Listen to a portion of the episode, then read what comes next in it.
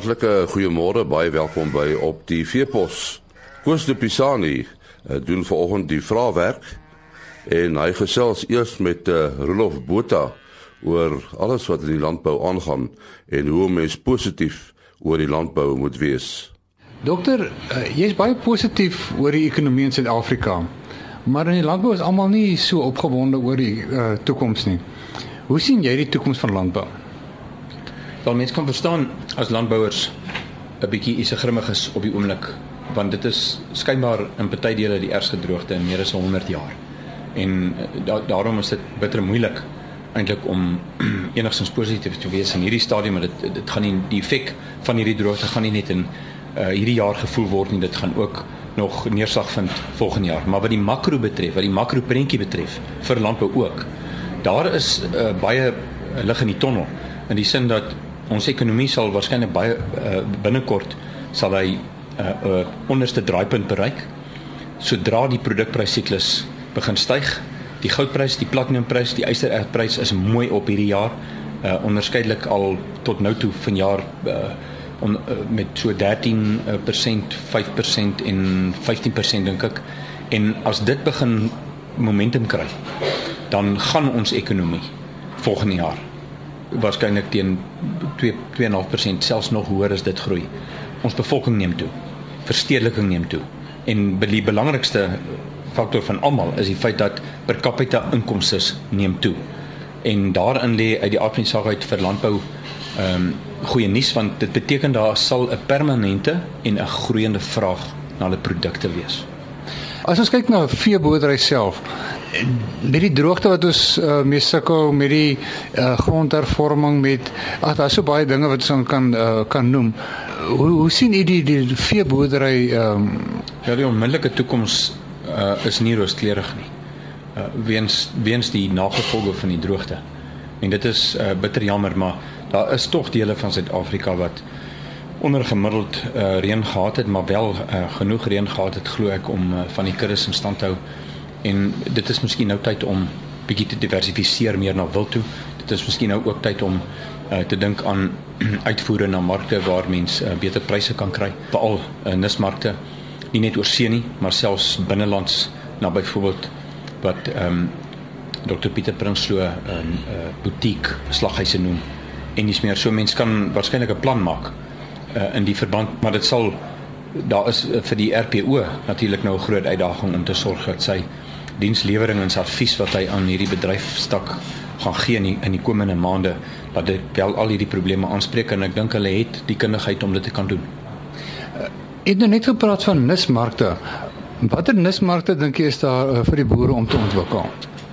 Wel behalwe nou vir die ehm um, uh kleiner uh slaghuise of mense kan sê kleinhandel afsetpunte buite nou die groot kleinhandelsgroepe wat maar 'n bietjie jare kojawel is baie keer. Uh dit is die een uh, opsie, die ander opsie natuurlik is om ook te kyk na uitvoermarkte oor see, want vandat Suid-Afrika weer 'n uh, hele klompie jare gelede nou weer uh die uh, ek glo dis die back and closure vrystelling gekry het. Wag daar baie uitvoermoontlikhede en 'n uh, ander mark wat ontgin kan word glo ek is die Midde-Ooste, want die Midde-Ooste is 'n geweldige netto-invoerder van voedsel. Hulle is lief vir hulle vleis en daar is nou reeds bly sprake van een uh, ontwikkeling wat ek van weet waar uh, daar grond gekoop word in Mosambiek deur mense in die Midde-Ooste en hulle soek Suid-Afrikaanse boere om daar vir hulle te gaan boer en ook van daardie voedsel van daai produkte te verwerk. Uh, dit is maar enkele voorbeelde, maar dit is nou die tyd vir uh, individuele veeboere dink ek om baie nou saam te werk met die met organisasies soos die RPO en in 'n mate ook Agri SA en TLI om te kyk na uh al albare situasies met die rand waar hy nou is kan 'n mens 'n fortuin maak op die uitvoermark. Dit is interessant dat jy nou praat van uh soveel geleenthede van uitvoere en uh geleenthede buitekant ons landsgrense. Maar dink jy daar is genoeg ehm um, vleis vir eie gebruik op hierdie stadium?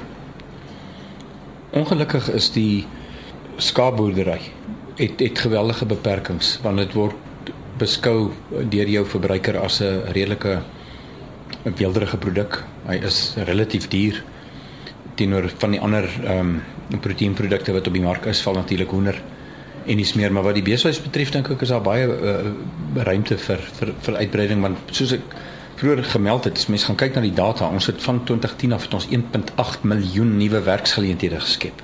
Die gemiddelde salaris in Suid-Afrika in die formele sektore is 165 000 rand per jaar. En soos wat hierdie aanhou toeneem, sal daar 'n uh, uh, groeiende aantal mense wees wat wel kan bekostig om vleisprodukte uh, produkte met hoë proteïeninhoud te, te kan koop en mense moet daardie markte probeer benut en veral ook op die gesondheidskwessies uh, te fokus en aspekte soos die storie agter uh die die plaas van waar dit kom om mense om die verbruiker te oortuig want die verbruikers raak al hoe meer uh bewus van gesondheidsrisiko's, uh, hulle bloedgroep tipes en dis meer om hulle te oortuig dat hierdie is wel 'n gesonde produk en en dat hy in die koue ketting was en dis meer. Die grondeienaars is baie bekommerd oor grondhervorming in Suid-Afrika. Uh, wat is u mening oor grondhervorming en voedselsekuriteit in Suid-Afrika? Wel, die twee hang van mekaar af. Jy jy kan nie voedselsekerheid waarborg as jy nie uh eienaarsreg van produktiewe grond ook waarborg nie, want dit is nie die grond waaruit die ware noodwendig kom nie. Dit is wat daarmee gedoen word, is hoe daar geboer word, dit is waarmee daar geboer word. Dit is die bedryfskapitaal wat daar ingaan. Dit is uh vaardighede, uh tegniese vaardighede, tegnologiese vaardighede, menslike hulpbronvaardighede wat in hierdie proses ingaan.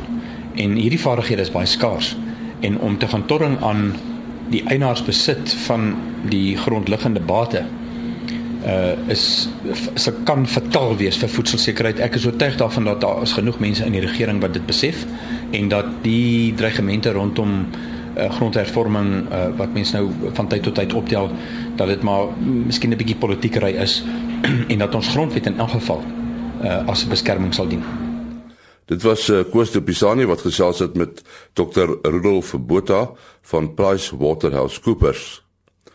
Die rooivleisprodusente organisasie in die Noord-Kaap het aan die begin van Maart 'n reeks vergaderings gehou met 'n produsente. En een van die sprekers is Dr. Fafa Malan. Sy motto is kennis is mag. En ons gesels met hom oor sy bekommernisse rondom die biosekuriteit van diere. Dokter, watter faktore beïnvloed biosekuriteit? Nou biosekuriteit berus eintlik op drie pilare. En dit is die omgewingstoestande en dan is dit die mense en dan diere. So as ons kyk na die omgewing, dan kyk ons na droogte wat nou geheers het en dit gaan dan veral dat diere se immuunstelsel verswak omdat immuniteit eintlik uit proteïene uit bestaan en uit energie. So die bekommernis is dat diere se immuunstelsel afgeneem het en daarom meer vatbaar vir siektes is.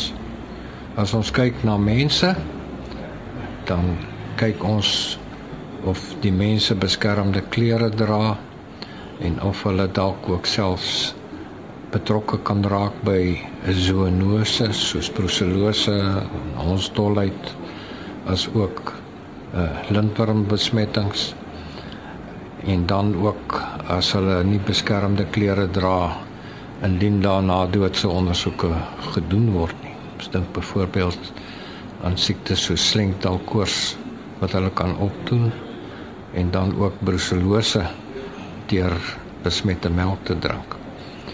As ons dink aan diere, dan dink ons aan aan siektes wat tussen diere kan versprei die oordraging van 'n brucellose tussen diere asook die verspreiding van interne parasiete veral weerstandige parasiete uh, en dan ook uitwendige parasiete soos uh, weerstandige bloubosluise so ons moet al hierdie dinge moet ons in gedagte hou wanneer ons aan diere gesondheidsprogramme en ook die beskerming van ons nasionale kudde. Uh dokter, uh, u praat nou van slengdalkoors. Ehm um, u is bekommerd oor 'n moontlike uitbreek van slengdalkoors in Suid-Afrika weer. Ehm um, wat is die rede daarvoor? Nou ek is al deur drie uitbreke van slengdalkoors en dit geskied met tussenposes. Ons weet net nooit wanneer die siekte uitbreek nie. En dis hierdie siekte rapportering wat deur praktyke, veeartspraktyke oor die land elke maand gedoen word, hou ons dop waar die eerste uitbreek in hierdie siklusse gaan plaasvind sodat ons die boere kan waarsku. My bekommernis is net dat boere ophou om hulle diere te immuniseer want hulle dink die siekte is nou weg. Nou na 'n droogte daar is van hierdie besmette muskieteiers wat met slengtalkoors besmet is wat net lê en wag dat daar weer goeie reënval val en dan broei hulle uit en hierdie muskiete wat dit dan dra steek dan hierdie vatbare diere wat nie ingeënt is nie aan en dan versprei dit dan met gewone muskiete die kulikse dan oor groot dele van die land.